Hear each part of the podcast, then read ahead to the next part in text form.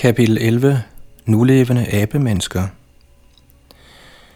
I kapitlet om Kinas fossile hominider så vi, at flere ting peger på, at mennesker kan have sameksisteret med mere abelignende hominider op gennem hele Pleistocene. Det samme gælder måske den dag i dag. Inden for de sidste 100 år eller mere tyder mange fund og observationer på, at der fremdeles findes skabninger i stil med neandertalere, Homo erectus og australopitheciner i nogle af verdens ødemarker. Professionelle videnskabsmænd har 1. observeret vildmennesker i naturlige omgivelser, 2. undersøgt levende tilfangetagende eksemplarer, 3. undersøgt døde eksemplarer, og 4. indsamlet fysiske vidnesbyrd om vildmennesker, inklusiv hundredvis af fodspor. De står også konfronteret med talrige vidneudsagn fra lægmænd, såvel som de mange overleveringer, som bøger og traditioner fra ældre tider indeholder om vildmennesker.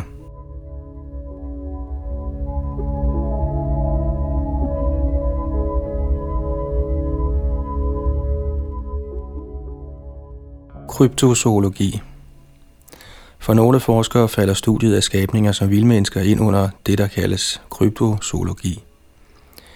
Ordet kryptozoologi, som stammer fra den franske zoolog Bernard Övelmont, refererer til den videnskabelige undersøgelse af arter, hvis eksistens er indberettet, men ikke fuldstændig dokumenteret.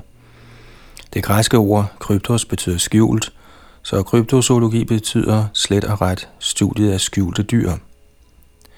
Der findes et internationalt selskab for kryptozoologi, hvis bestyrelse tæller professionelle biologer, zoologer og paleontologer fra universiteter og museer verden over.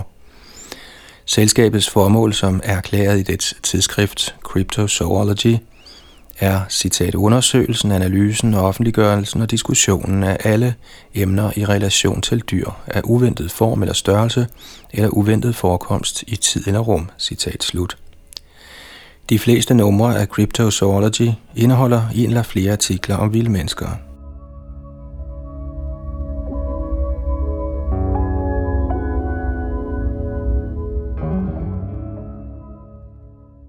Er det virkelig muligt, at der lever en ukendt hominidart på jorden?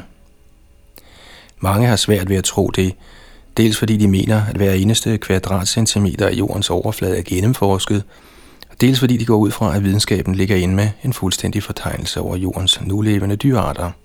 Begge antagelser er forkerte. Selv i lande som USA er der store ubefolkede og sjældent besøgte områder. Specielt det nordvestlige USA har stadig store arealer af tæt skovklædte bjergrige områder, der er skønt de er kortlagt fra luften, sjældent får besøg af mennesker nede på jorden.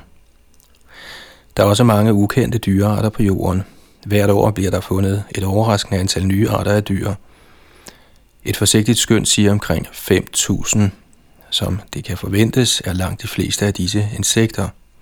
Men alligevel bemærkede Øbelmore i 1983, citat, Helt op til midt i 1970'erne blev der i gennemsnit årligt opdaget 112 nye fiskearter, 18 nye arter af krybdyr, 10 nye arter af padder, det samme antal pattedyr og tre eller fire nye arter af fugle. Citat slut.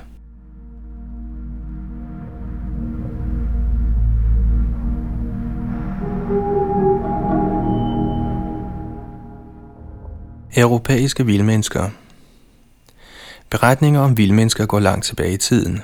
Mange græske, romerske, kartageniensiske og eutruskiske kunstgenstande og afbildninger af halvmenneskelige skabninger – for eksempel er der i Roms forhistoriske museum en eutruskisk sølvskål med tegninger af menneskelige jægere på heste. Mellem dem ser man en skikkelse af et stort abemenneskeligt væsen. Helt op i middelalderen blev der afbildet en vildmennesker på europæiske kunstværker og bygninger. En side fra Queen Marys psalter fra det 14. århundrede viser en meget realistisk skildring af en behåret vildmand, der angribes af et kobbel hunde.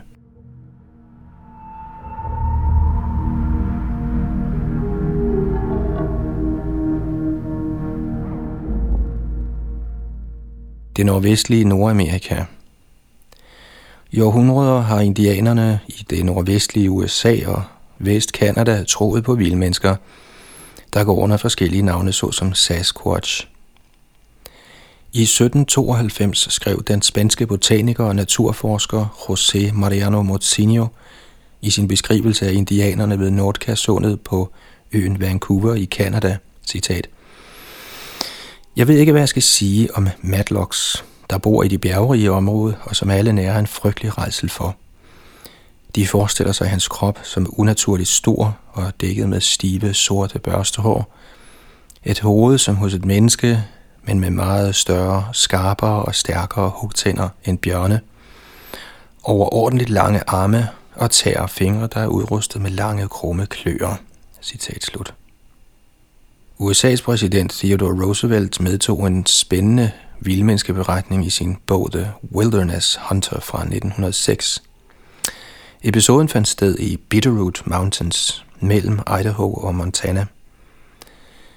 Der kommer løbende nye indberetninger om vildmennesker fra dette område –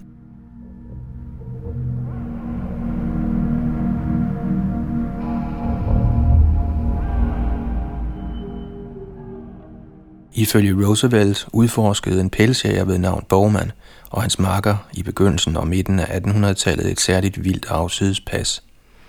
En ukendt skabning plyndrede deres lejr flere gange, både om natten, når de kunne se dyret tydeligt, og om dagen, når de var væk. En dag fandt Bowman sin makker død i lejren, efter alt at dømme dræbte dyret, der havde efterladt nogle meget menneskelignende fodspor. I modsætning til bjørne, der normalt går på alle fire, gik dette dyr på to ben. Som et isoleret tilfælde er Bowmans historie ikke noget særligt stærkt bevis på eksistensen af vildmennesker i Nordamerika, men sammenholder man den med flere solide rapporter, får den pludselig mening. Den 4. juli 1884 bragte avisen The Colonist, der udkom i Victoria i British Columbia, en historie om en mærkelig skabning, der var fanget nær byen Yale.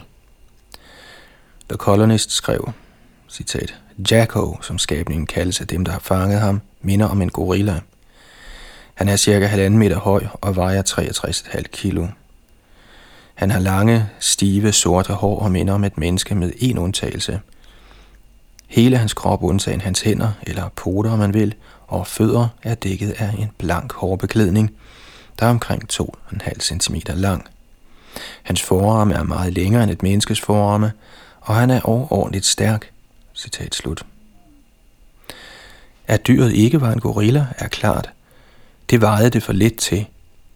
Nogle ville mene, at Jacko var en chimpanse, men denne idé blev efter alt at dømme overvejet og afvist af personer, der kendte til Jacko.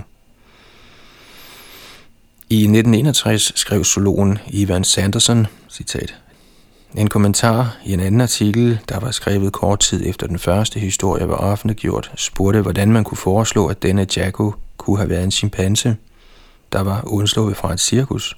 Citat slut. Flere beretninger om skabninger som Jacko kommer fra samme område. For eksempel fortalte Alexander Caulfield Anderson, en landmåler fra det Hudson Bay Company, at nogle behårede humanoide skabninger flere gange havde kastet sten efter hans gruppe, mens de opmålte en handelsrute i 1864.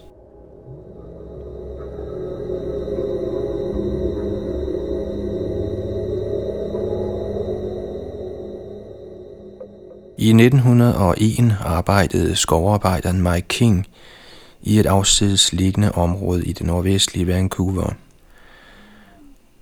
da King kom over et højdedrag, fik han øje på et stort menneskelignende væsen med rødbrun pels. Det stod ved bredden af en å og var i færd med at vaske nogle rødder, som det anbragte i to velordnede bunker ved siden af sig.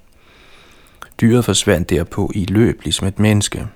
Fodsporene, som King så, var tydeligt menneskelige med undtagelse af, citat, de usædvanligt lange og udspillede tæer, citat slut.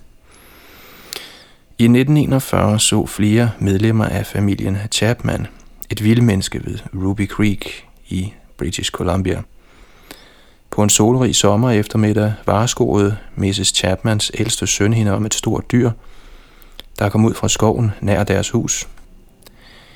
Først troede hun, det var en stor bjørn, men så så hun til sin redsel, at det var et enormt stort menneske, der var dækket med gulbrunt hår over hele kroppen. Hårene var 10 cm lange, Skabningen bevægede sig direkte hen mod deres hus, og Mrs. Chapman greb sine tre børn og flygtede ned til landsbyen.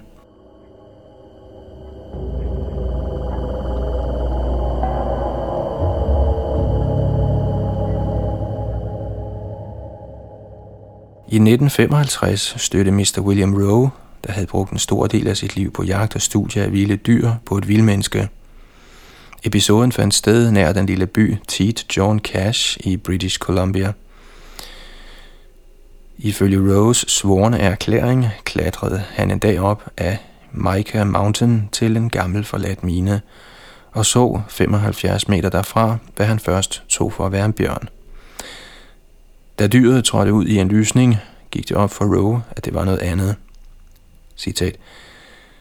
Mit første indtryk var af et enormt stort menneske på cirka 1,80 meter, næsten 1 meter bredt, og med en vægt på sandsynligvis 150 kilo. Det var dækket fra top til to af mørkebrune hår med sølvagtige spidser. Da jeg kom tættere på, så jeg på dets bryster, at det var en hund. Citat slut.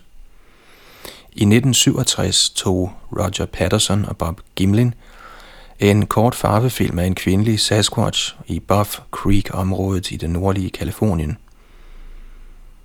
De tog også afstøbninger af hendes 35 cm lange fodspor. Meningerne om filmen er delte. Nogle kalder den lige ud for et svindelnummer, mens andre ser det som et godt bevis for eksistensen af Sasquatcher. Nogle ved ikke, hvad de skal mene. Dr. D.W. Grieve, en anatom med speciale i menneskets gang, undersøgte filmen og havde dette at sige. Citat. Mine personlige følelser svinger fra en fuldstændig accept af Sasquatchen, for det ville være svært at forfalske filmen, til en fuldstændig irrationel afvisning af muligheden for, at Sasquatchen overhovedet findes. Citat slut. Antropologen Mira Shackley fra University of Leicester i England bemærkede, at de fleste synes om mine, citat, at filmen kunne være et svindelnummer, men hvis det er tilfældet, er den utroligt dygtigt lavet. Citat slut. Det er selvfølgelig muligt at afvise næsten enhver form for videnskabelig bevis som et eventuelt svindelnummer. Man behøver blot at postulere en tilstrækkelig dygtig bedrager. Men efter vores mening er det kun rimeligt at antyde bedrag, når der som i tilfældet med Piltdown reelt er beviser for bedrag. Ydermere kan selv et påvist tilfælde af bedrag ikke bruges til at afvise hele kategorier af tilsvarende påstande. Pause. Hvad fodsporene af Sasquatchen angår, har vidner uafhængigt af hinanden undersøgt og indberettet hundredvis af sådanne fodspor. Ud af disse er mere end 100 bevaret som fotografier og afstøbninger. Utvivlsomt kunne nogle af dem være forfalskninger, hvilket selv de mest standhaftige tilhængere af Sasquatchen vil indrømme. Men kunne dette gælde for dem alle? I 1973 skrev den engelske anatom John og Napier – at hvis alle fodsporene er falske, citat, må vi være parat til at acceptere eksistensen af en sammensværgelse med mafialignende forgreninger i så godt som hver større byområde fra San Francisco til Vancouver. Citat slut. Napier erklærede, at han fandt de fodspor, han selv undersøgte, citat, biologisk overbevisende. Citat slut. Napier skrev, citat, de vidnesbyrd, jeg har undersøgt, overbeviser mig om, at nogle af fodsporene er ægte – og at de er menneskelignende af form. Jeg er overbevist om, at Sasquatchen findes. Citat slut.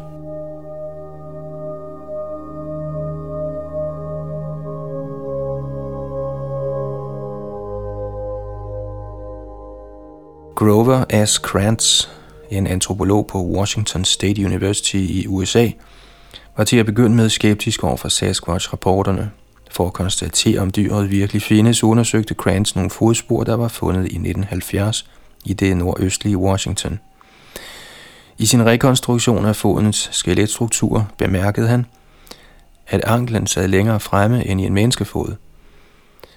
Ud fra sin viden om fysisk antropologi og på basis af den rapporterede højde og vægt for en voksen Sasquatch beregnede Krantz nøjagtigt, hvor langt fremme anklen måtte være – da han derefter igen undersøgte fodsporene, konstaterede han, at anklens placering svarede nøjagtigt til hans teoretiske udregninger.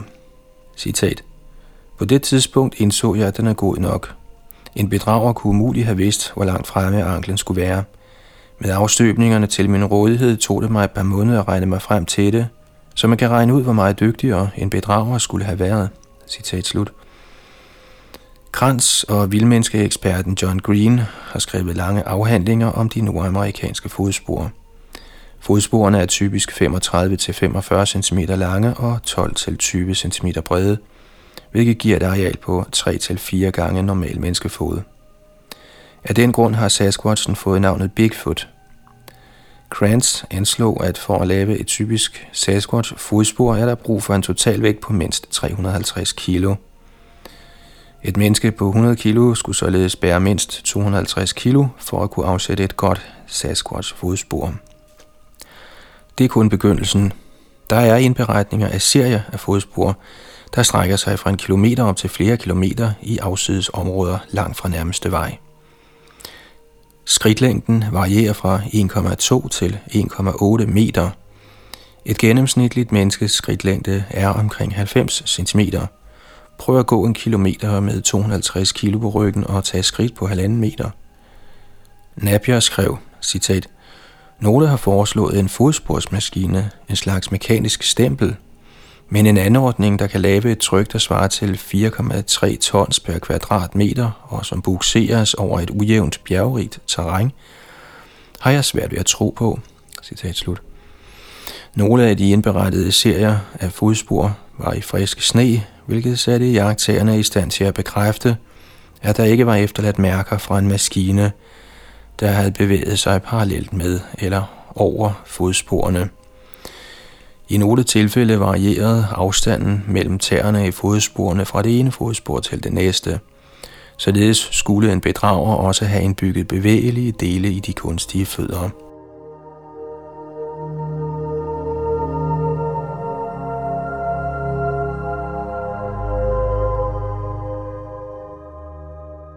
Under en opsporing af elge i Walla Walla-distriktet i staten Washington den 10. juni 1982 så Paul Freeman, skovbetjent fra US Forest Service, et 2,5 meter højt behåret tobenet væsen på 60 meters afstand. Efter et halvt minut gik dyret væk. Krantz undersøgte afstøbninger af dyrets fodspor og fandt hud, folder, svedporer og andre ting på de rigtige steder. Hvorfor forholder næsten alle antropologer og zoologer sig i tavse omkring Sasquatchen på trods af alle disse konkrete observationer? Kranz bemærkede, citat, de frygter for deres navn og ansættelse. Citat slut. Napier bemærkede på samme måde, citat, et af problemerne, måske det største problem, i undersøgelsen af Sasquatch observationerne er den mistænksomhed, som folk, der hævder at have set en Sasquatch, møder fra deres naboer og arbejdsgivere. At indrømme en sådan oplevelse er nogle steder det samme som at sætte sin personlige anseelse, sociale status og professionelle troværdighed overstyr. Citat slut. Han nævnte, citat, tilfældet med en særdeles kvalificeret geolog fra et olieselskab. Han fortalte sin historie, men af frygt for at blive afskediget, insisterede han på, at hans navn ikke måtte nævnes. Citat slut. I denne sammenhæng udtalte Roderick Sprague, en antropolog fra University of Idaho, om Krantz, citat, Det er Krantz villighed til åbent at undersøge det ukendte, der har kostet ham mange af hans kollegers respekt, såvel som akademiske forfremmelser. Citat slut.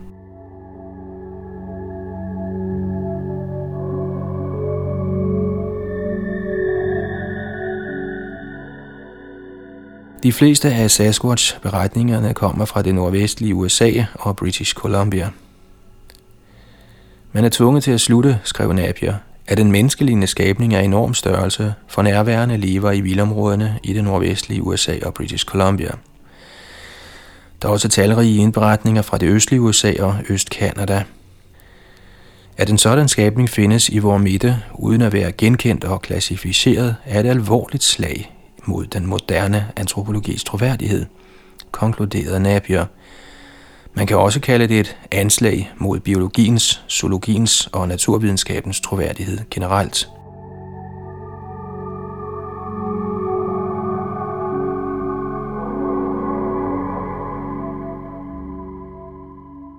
Mellem- og Sydamerika fra det sydøstlige Mexikos tropiske skove kommer der beretninger om nogle skabninger, der kaldes Sisimit. Geologen Wendell Skovsen skrev, at folk fra Kubulko i Baja Verapaz fortalte, citat, der lever i bjergene meget store, vilde mennesker, der er fuldstændig klædt i en kort, tyk, brun, håret pels, uden nogen hals, med små øjne, lange arme og enorme hænder. De afsætter fodspor, der er dobbelt så store som menneskers. Citat slut. Flere personer fortalte, at de var blevet forfulgt ned ad bjergsiderne af Sisimitter. Skovsen troede, at der kunne have været tale om bjørne, men konkluderede ved nærmere undersøgelse, at det var det ikke. Lignende skabninger er rapporteret i Guatemala, hvor de siges at bortføre kvinder og børn.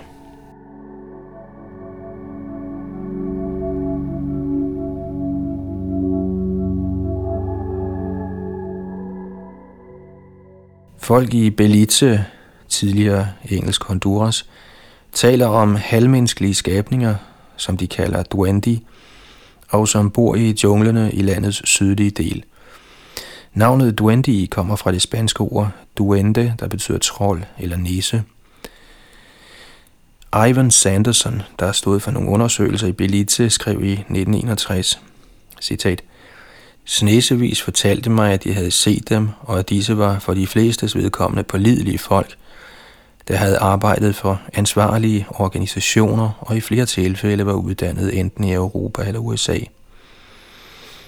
En af dem, en yngre lokalfødt skovfunktionær, beskrev indgående, at han pludselig havde lagt mærke til, hvordan to af disse små skabninger i stillhed havde betragtet ham ved flere lejligheder – i udkanten af skovreservatet nær foden af Majabjergene. Disse små mennesker blev beskrevet som mellem en meter og 1,20 meter høje, velproportioneret med meget brede skuldre og ret lange arme, og klædt i tykt, tæt brunt hår, der mindede om pelsen på en kort, ruhåret hund. De havde flade, gullige ansigter med hovedhår, der ikke var længere end kropshårene, bortset fra i nakken, og ned bag på midten af ryggen. Citat slut. Duandierne synes at være en anden art end de store Sasquatch fra USA og Kanada.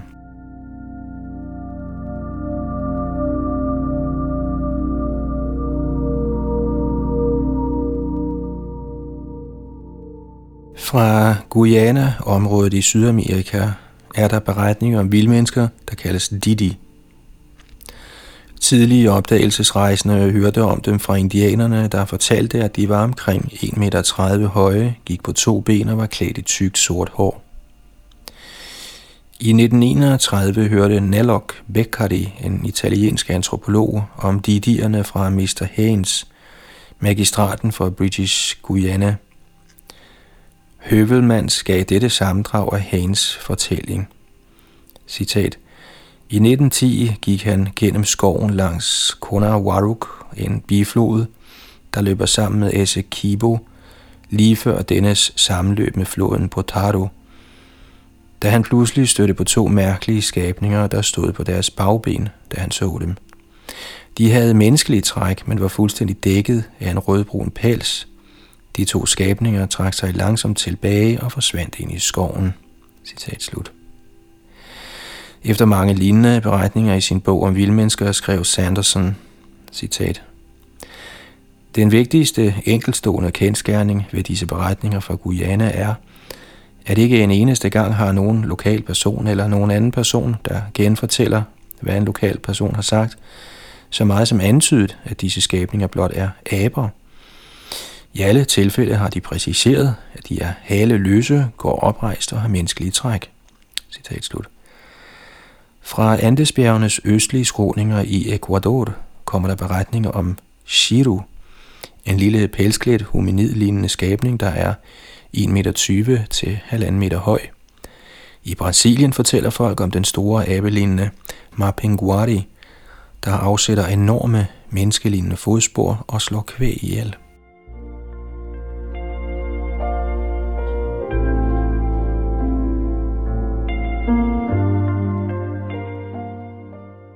Yetien, Himalayas vildmenneske. 1800-tals dokumenter fra engelske embedsmænd i Himalaya-området indeholder sporadiske henvisninger til observationer af og fodspor fra yetier. Yetien blev først omtalt af B.H. Hodgson, der gjorde tjeneste som britisk embedsmand ved retten i Nepal fra 1820 til 1843. Hudson fortalte, at under en rejse i det nordlige Nepal blev han spærret og skræmte ved synet af en behåret, haleløs, menneskelignende skabning. Mange vil mene, når de hører en beretning som denne, og der har været hundredvis af dem siden Hodgsons tid, at nepaleserne forvekslede et almindeligt dyr med en yeti. De mest almindelige kandidater er bjørne og languraber. Men det er svært at forestille sig, at mennesker, der har levet hele deres liv i Himalaya og kender dyrelivet ud af ind, kan tage fejl på denne måde. Mira Shackley bemærkede, at yetien er afbildet på nepalesiske og tibetanske religiøse malerier, der skildrer hierarkier af levende væsener. Her, skrev Shackley, males bjørne, aber og languraber som forskellige fra vildmennesker, hvilket lader formode, at der ingen forveksling er, i det mindste ikke hos kunstnerne, af disse former.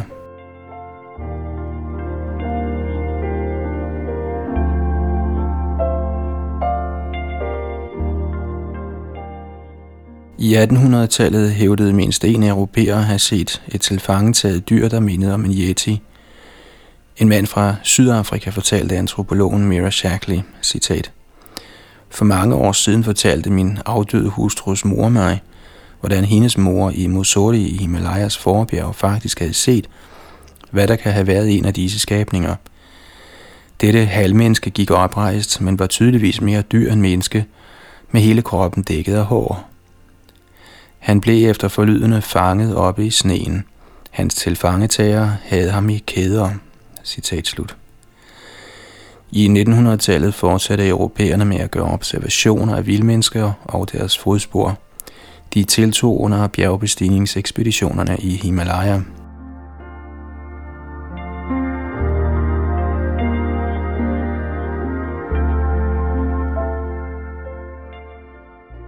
Under udforskning af passerne til Mount Everest i november 1951 fandt Erik Shipton fodspor på Menlung-gletsjeren nær grænsen mellem Tibet og Nepal i 6.000 meters højde.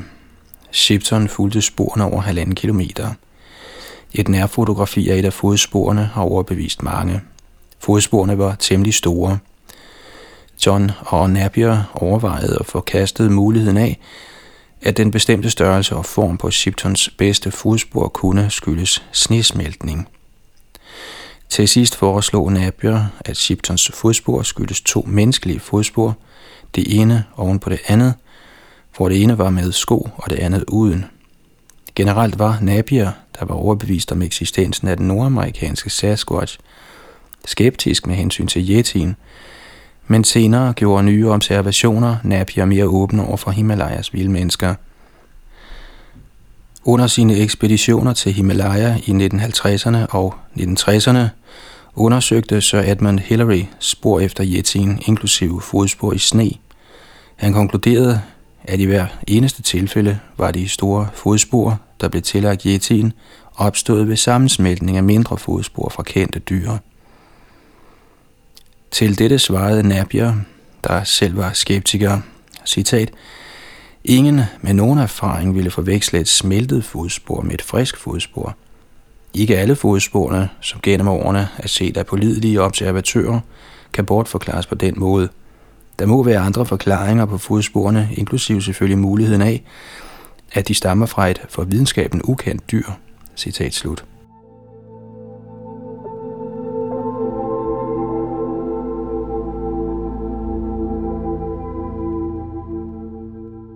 I tilgift til Vesterlændinge har indfødte også fortalt løbende om yetien. Eksempelvis skrev Mira Shackley i sin bog om vildmennesker, at tibetanske landsbybeboere fra Tarbali i 1958 fandt en druknet yeti nær Rongbuk-gletsjeren. Landsbyfolkene beskrev skabningen som et lille menneske med tilspidset hoved og rødbrun pels. Nogle buddhistiske klostre siges at ligge inde med fysiske rester af yetier. En kategori af sådanne er yeti-skalpe, men de, der er undersøgt af vestlige videnskabsmænd, hævdes at være lavet af skin fra kendte dyr. I 1960 arrangerede Sir Edmund Hillary en ekspedition, der skulle indsamle og undersøge spor af yetien og sendte en yeti-skalp fra klostret Kumjung til undersøgelse i Vesten. Nogle mente, at resultaterne tydede på, at skalpen var fra huden af en serov, en gideagtig antilope i Himalaya, men ikke alle var enige i denne konklusion. Shackley bemærkede, citat, de gjorde opmærksom på, at hårene på skalpen var tydeligt abelignende, og den indeholder parasitiske midder af en art, der er forskellig fra dem, man finder på seroven. Citat slut. I 1950'erne tog forskere, der var sponsoreret af den amerikanske forretningsmand Tom Slick, prøver af en balsameret yeti-hånd, der var opbevaret i Pangboche, Tibet. Laboratorieprøverne førte ikke til nogen afgørende konklusion, men Shackley skrev, at hånden, citat, har nogle påfaldende menneskelignende træk, citat slut. I maj 1957 bragte The Kathmandu Commoner en historie om en yeti, der havde levet i fangenskab i 25 år i landsbyen Chilunka, 75 km nordøst for Kathmandu i Nepal.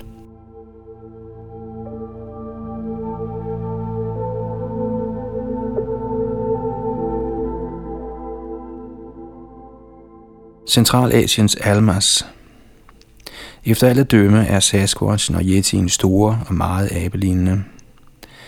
Men der er et andet vildmenneske, Almassen, der ser ud til at være mindre og meget mere menneskelig.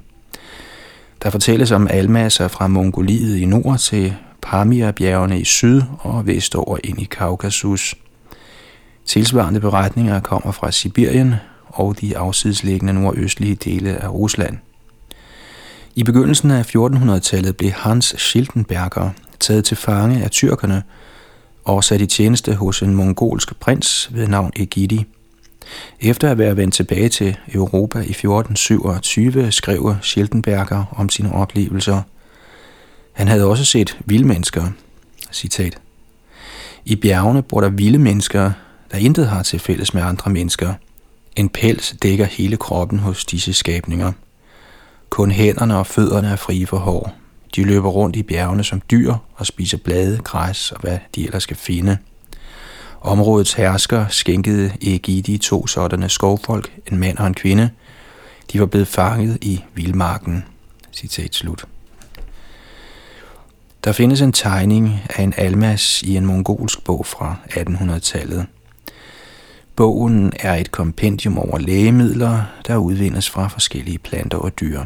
Mira Shackley bemærkede, citat, Bogen indeholder tusinder af illustrationer af forskellige klasser af dyr, padder, krybdyr og pattedyr, men ikke det eneste mytologisk dyr, som det er tilfældet i tilsvarende europæiske middelalderbøger.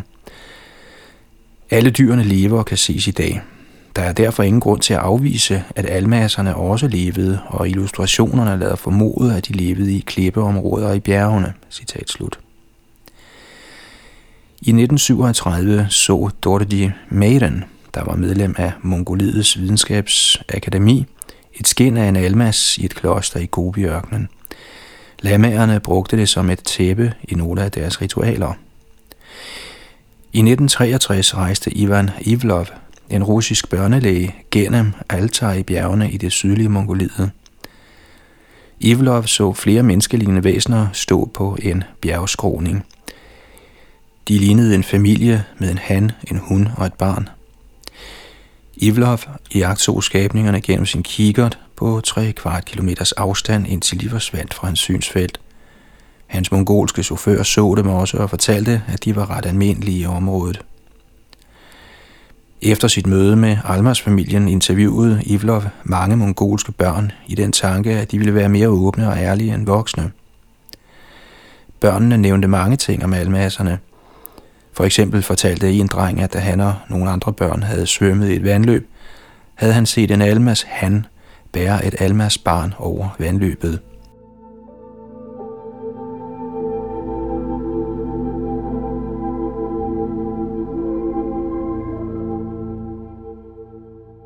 I 1980 fandt en arbejde på et forsøgs landbrug under Mongoliets videnskabsakademi i Bulgan et dødt vildmenneske. Citat. Jeg nærmede mig det og så et behåret lige af en kraftig, menneskelignende skabning, der var halvt indtørret og begravet i sandet. Den døde var ikke en bjørn eller abe, og på samme tid var det ikke et menneske, som en mongol, kazak, kineser eller russer. Citat slut. I Pamir-bjergene, i det afsides område, hvor grænserne mellem Tajikistan, Kina, Kashmir og Afghanistan støder sammen, er der mange observationer af almasser. I 1925 ledte Mikhail Stefanovich Topilski, der var generalmajor i den sovjetiske hær, sin enhed i et angreb på en antisovjetisk guerillastyrke, der gemte sig i en hule i Pamir. En af de overlevende guerillakrigere fortalte, at da de var i hulen, var han og hans kammerater blevet overfaldet af skællige abelignende væsener. Topilski gav ordre til en gennemsøgning af hulen, og livet af et af disse væsener blev fundet. Topilski indberettede, citat, Ved første øjekast troede jeg, at kroppen var fra en abe, men jeg vidste, at der ikke var aber i Paramit. Selve kroppen lignede også meget mere et menneskes.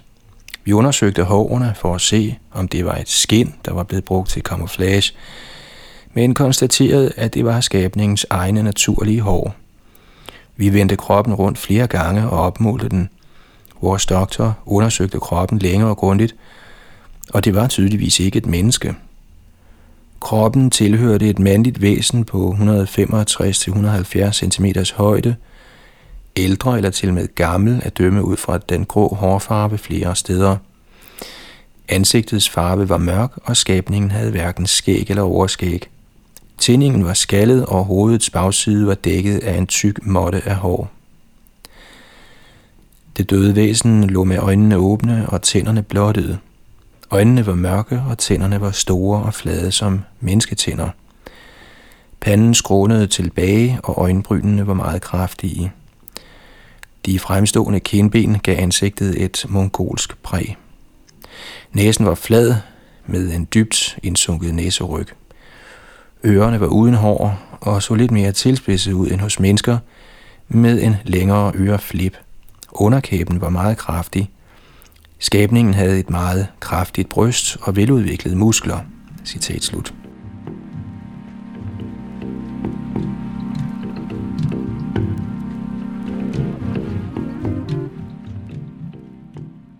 I 1957 deltog Alexander G. Pronin, der var hydrolog ved det Geografiske Forskningsinstitut på Leningrads Universitet, i en ekspedition til Pamir for at opmåle gletsjere.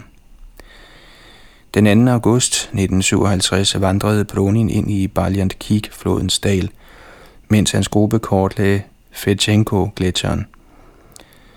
Mira Shackley fortalte, citat, ved middagstid fik han øje på en skikkelse, der stod på en klippeafsats 500 meter over ham og lige så langt fra ham. Hans første reaktion var overraskelse, siden området var ubeboet, og hans anden tanke var, at væsenet ikke var et menneske. Det mindede om et menneske, men havde en meget ludende holdning. Han jagtog den firskårende skikkelse bevæge sig hen over sneen med benene langt fra hinanden, og han så, at dens forarme var længere end hos et menneske – og den var dækket af rødgråt hår. Citat slut. Pronin så skabningen igen tre dage senere gående oprejst. Der er siden foretaget talrige observationer af vildmennesker i Paramid, og medlemmerne af forskellige ekspeditioner har fotograferet og taget afstøbninger af fodspor.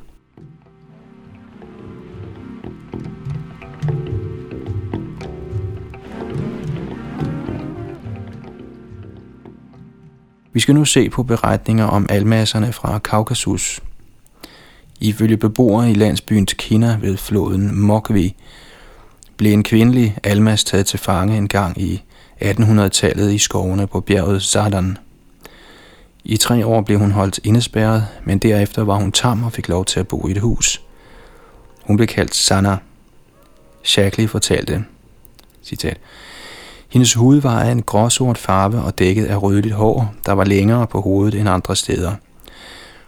Hun kunne udstøde uartikulerede lyde, men udviklede aldrig noget sprog. Hun havde et stort ansigt med store hageknogler, et mulelignende kæbeområde, store øjenbryn, store hvide tænder og et vildt udtryk. Citat slut. Sanna fik efter nogle år børn med en mand fra landsbyen. Nogle af Sannas børnebørn blev set af Boris Porsnev i 1964. I sin gennemgang af Porshnevs undersøgelser bemærkede Shackley, citat, Børnebørnene Charlikova og Taya havde mørk hud af nærmest negrydet udseende og meget fremtrædende tykke muskler og ekstra stærke kæber. Citat slut. Porsnev interviewede også folk, der havde været til stede ved Sanders begravelse i 1880'erne.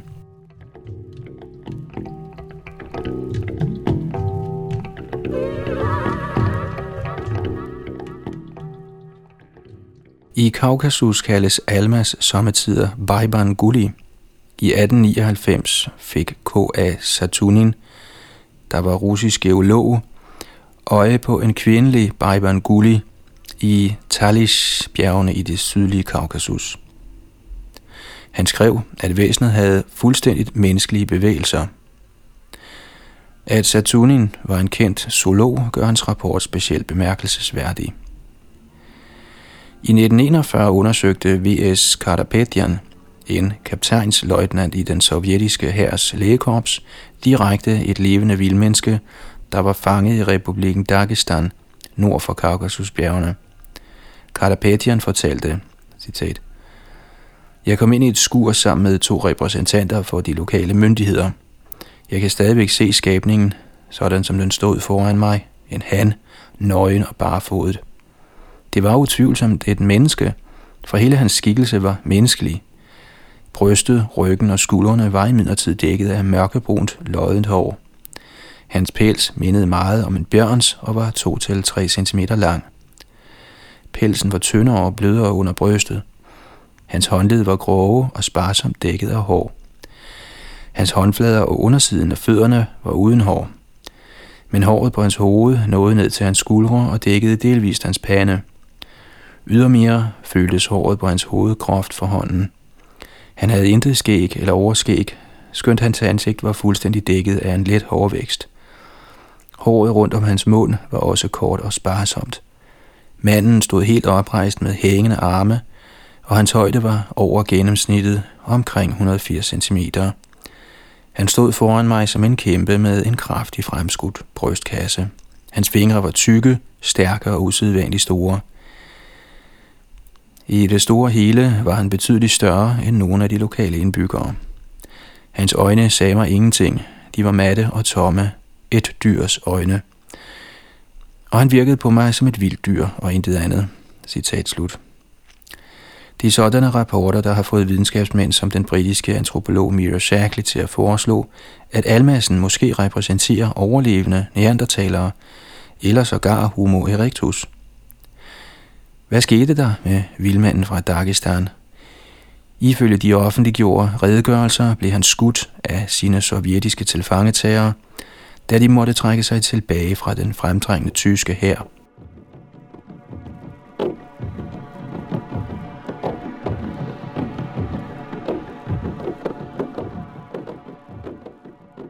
Vildmennesker fra Kina – Kinesiske historiedokumenter og årbøger fra mange byer og landsbyer indeholder en rigdom af beretninger om vildmennesker, der gives forskellige navne, fortæller Chou Gouxing fra Beijings Naturhistoriske Museum.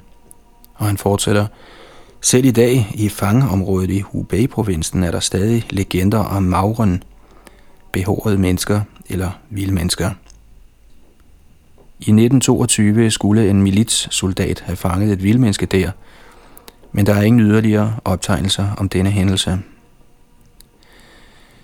I 1940 så Wang Zelin, der var kandidat fra Biologiinstituttet på Northwestern University i Chicago, med egne øjne et vildmenneske kort tid efter, at det var blevet dræbt af nogle jægere. Wang kørte fra Baoji i Shaanxi-provinsen til Changshui i Gansu-provinsen – hvor han hørte geværskud foran sig. Han steg nysgerrigt ud af bilen og så et lig. Det var en kvindelig skabning, to meter høj og dækket af en pels af tykt, grårødt hår, der var omkring 3 cm langt. Ansigtshårene var kortere, kindbenene var fremtrædende, og læberne sprang frem. Hovedhåret var ca. 30 cm langt. Ifølge Wang lignede skabningen en rekonstruktion af den kinesiske Homo erectus.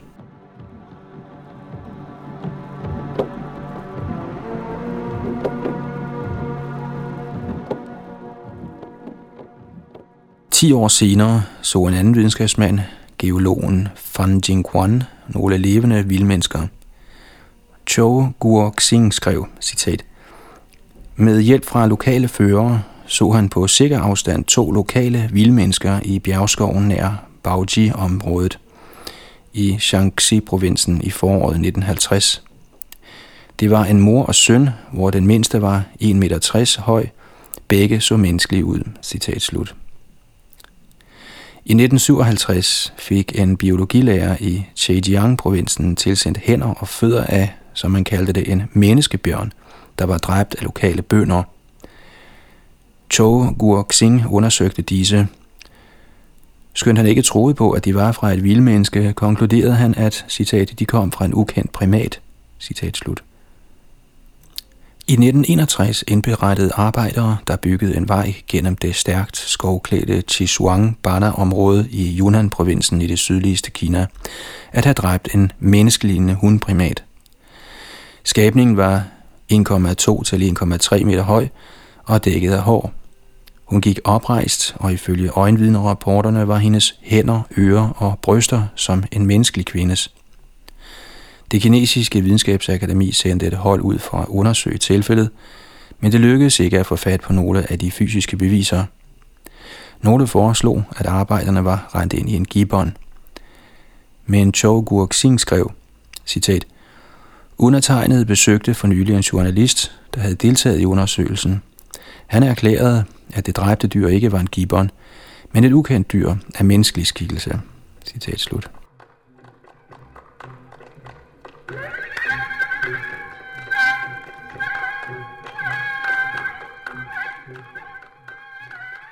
I 1976 kørte seks skovarbejdere fra Shenongjias skovområde i Hubei-provinsen en aften på landevejen nær landsbyen Chunshuya mellem Fangxiang og Shenongjia. Et sted på vejen stødte de på, citat, et mærkeligt haleløst væsen med rødlig pels, citat slut. Heldigvis stod det stille længe nok for fem mand til at komme ud af bilen og se på det på kun nogle meters afstand, mens chaufføren holdt bilens lys rettet imod det. Observatørerne var sikre på, at det ikke var en bjørn eller noget andet væsen, de kendte til. De indberettede hændelsen i et telegram til det kinesiske videnskabsakademi i Beijing. Gennem årene havde akademiets embedsmænd modtaget mange lignende rapporter fra samme område i Hubei-provinsen – da de hørte om dette tilfælde, besluttede de sig til at undersøge sagen grundigt. En videnskabelig ekspedition på over 100 medlemmer rejste til Hubei. De indsamlede fysiske beviser i form af hår, fodspor og ekskrementer og nedskrev observationer fra lokalbefolkningen. Senere forskning har fået mere til disse resultater. Alt i alt er der fundet over 1000 fodspor i Hubei-provinsen, hvor nogle er over 48 cm lange. Over 100 vildmenneskehår er indsamlet med det længste på 53 cm.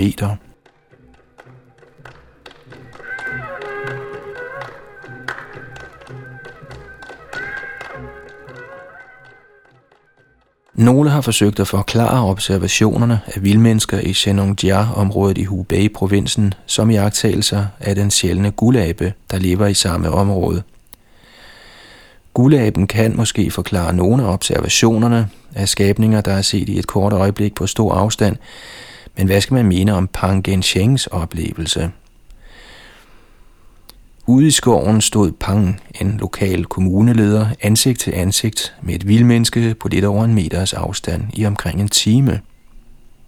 Han fortalte, han var omkring 2,10 meter høj med skuldre, der var bredere end et menneskes, en tilbageskrålende pande, dybtsiddende øjne og en kugleformet næse med næseborene en anelse vendt opad. Han havde indsunkne kinder, ører som et menneske, men større, og runde øjne, der også var større end et menneskes. Hans kæbe stak frem, og han havde fremskudte læber. Hans fortænder var lige så brede som en hests. Hans øjne var sorte, hans hår var mørkebrunt, mere end 30 cm langt, og hang løst ned over hans skuldre. Hele hans ansigt, med undtagelse af næse og ører, var dækket af korte hår. Hans arme nåede ned til hans knæ. Han havde store hænder med fingre, der var omkring 15 cm lange, og tomler, der kun var en anelse skilt fra fingrene. Han havde ingen hale, og hans kropshår var korte. Han havde tykke lår, der var kortere end den nederste del af hans ben. Han gik oprejst med spredte ben. Hans fødder var hver omkring 30 cm lange og halvt så brede.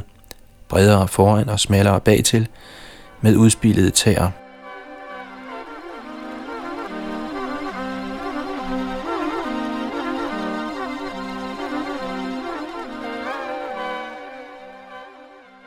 Vildmennesker fra Malaysia og Indonesien.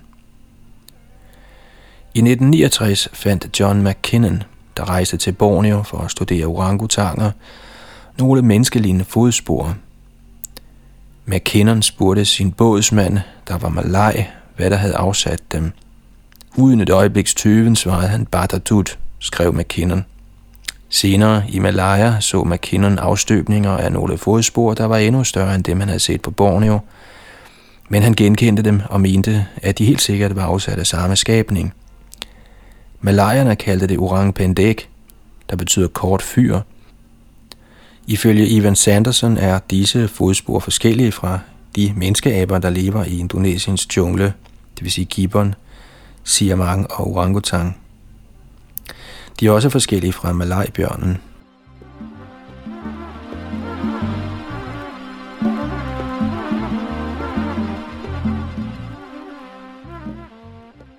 I begyndelsen af 1900-tallet modtog Sumatras guvernør L.C. Westnick en beretning om et møde med et slags vildmenneske, der kaldes Sedapa. Bestyreren af et gods i Barisan-bjergene så sammen med nogle arbejdere Sedapaen på 15 meters afstand.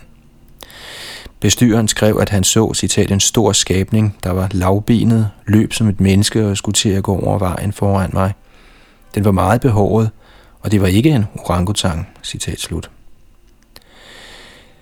I en artikel fra 1918 om vildmennesker refererede Westneck til en redegørelse fra en herr Osting, der boede på Sumatra. Denne var engang på vej gennem skoven, hvor han traf en mand, der sad på en træstamme med ansigtet væk fra ham. Osting fortalte, citat, Det gik pludselig op for mig, at hans hals var underligt læderagtig og meget snavset. Den fyr har en meget snavset og rynket hals, sagde jeg til mig selv. Så så jeg, at det ikke var en mand. Det var ikke en orangutang. Jeg havde set en af disse store aber kort tid før. Citat slut. Hvad var det da for et dyr, hvis ikke det var en orangutang? Osting kunne ikke sige det med sikkerhed.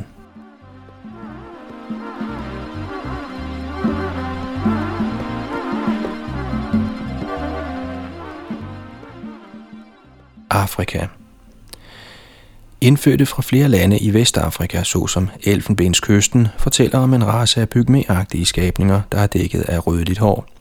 Flere europæere har også set dem.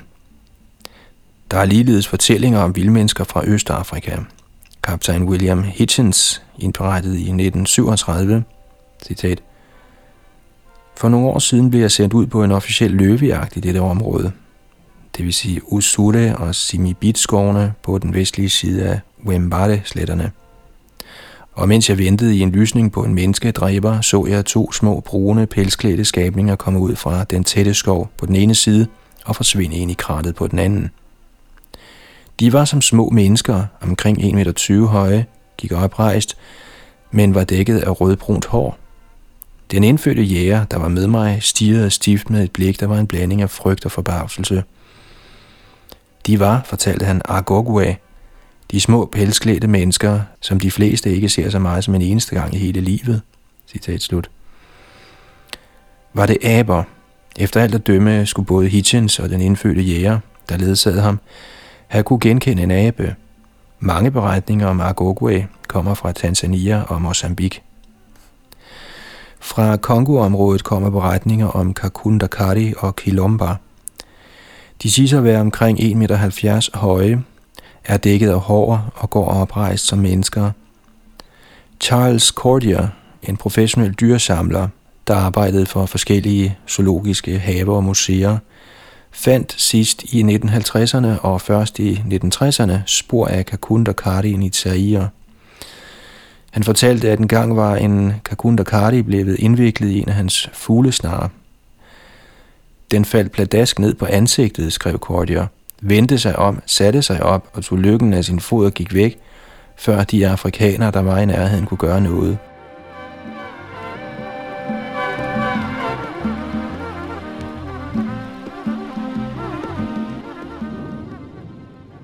Beretninger om sådanne skabninger kommer også fra det sydlige Afrika.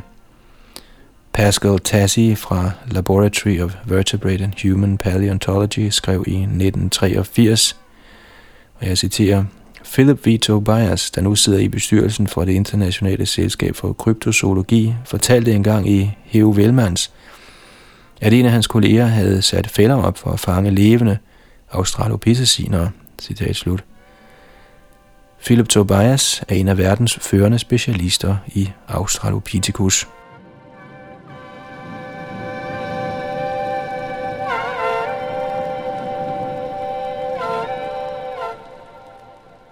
Den konventionelle videnskab og vildmennesker. Ifølge den gængse opfattelse uddøde de sidste australopitheciner for 750.000 år siden – og Homo erectus forsvandt for 200.000 år siden. Neandertalerne siges at have levet indtil for 35.000 år siden, hvorefter fuldt moderne mennesker har været de eneste hominider noget sted i verden. Men de mange observationer af vildmennesker forskellige steder i verden sætter store spørgsmålstegn ved denne opfattelse. Som vi har set det, har nogle foreslået, at vildmennesker kan være overlevende repræsentanter for neandertalere – eller Homo erectus. Ikke desto mindre nægter de fleste antropologer og zoologer at diskutere eksistensen af vildmennesker på trods af eksistensen af alt det materiale, vi netop har gennemgået. Hvis de overhovedet nævner dem, ser de sjældent på de virkelig stærke beviser og koncentrerer sig mere om dem, der ikke har store chancer for at rokke ved deres vantro. Skeptiske videnskabsmænd hævder, at ingen har fundet knogler af vildmennesker eller nogensinde fremlagt et eneste eksemplar, hverken dødt eller levende, men der er fundet hænder og fødder og til med et hoved. Kvalificerede personer erklærer, at de har undersøgt døde vildmennesker, og der er også tilfælde af tilfangetagelser. At ingen af disse fysiske beviser har fundet vej til museer og andre videnskabelige institutioner, skyldes måske mest et svigt i indsamlingsproceduren. Indvirkningen af det, vi kalder et kundskabsfilter, er tilbøjelig til at holde ting med et dårligt ry ude fra de officielle kanaler. I midlertid mener respekterede videnskabsmænd som Krantz, Napier, Shackley, Porschner og andre, at det tilgængelige materiale er grund nok til at konkludere, at der faktisk lever vildmennesker, eller i det mindste at deres eksistens er en seriøs undersøgelse værd.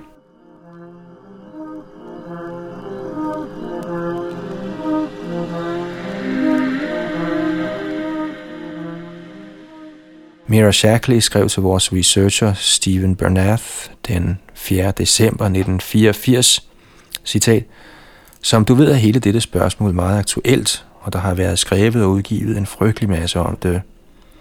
Meningerne er delte.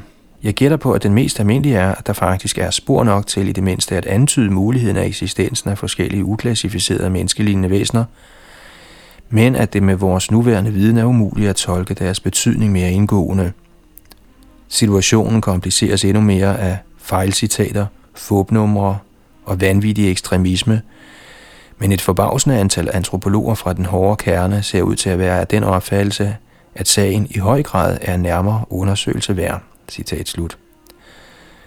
Der er altså en vis videnskabelig anerkendelse af vilde mennesker, men denne ser i det store hele ud til at komme til udtryk gennem private udtalelser med lille eller ingen officiel anerkendelse. Hvis der er usikkerhed omkring, hvilke hominider, der kan leve i dag, hvordan kan vi da være sikre på, hvad slags der har eller ikke har levet i fjerne fortider? Empiriske undersøgelser af fossillagene er ikke nødvendigvis en sikker ledetråd. Som Bernard Høvelmans skrev i et brev den 15. april 1986 til Stephen Bernath, citat, overvurderer ikke betydningen af fossilfundene. Fossildannelse er et ualmindeligt sjældent fænomen, og fossilerne kan ikke give os et nøjagtigt billede af livet på jorden i svundne geologiske tider. Især fossiler af primater er der meget langt imellem, for intelligente og forsigtige dyr kan lettere undgå selve de betingelser, der skaber fossildannelse, som er synket ned i mudder eller moser. Citat slut. Den empiriske metode har utvivlsomt sine begrænsninger, og fossilfundene er ufuldstændige og ufuldkommende. Men når alle fund og observationer af meget gamle mennesker, såvel som af nulevende abemennesker, sammenholdes objektivt, er billedet mere af en løbende sameksistens end en gradvis udvikling, hvor den ene art afløser den anden.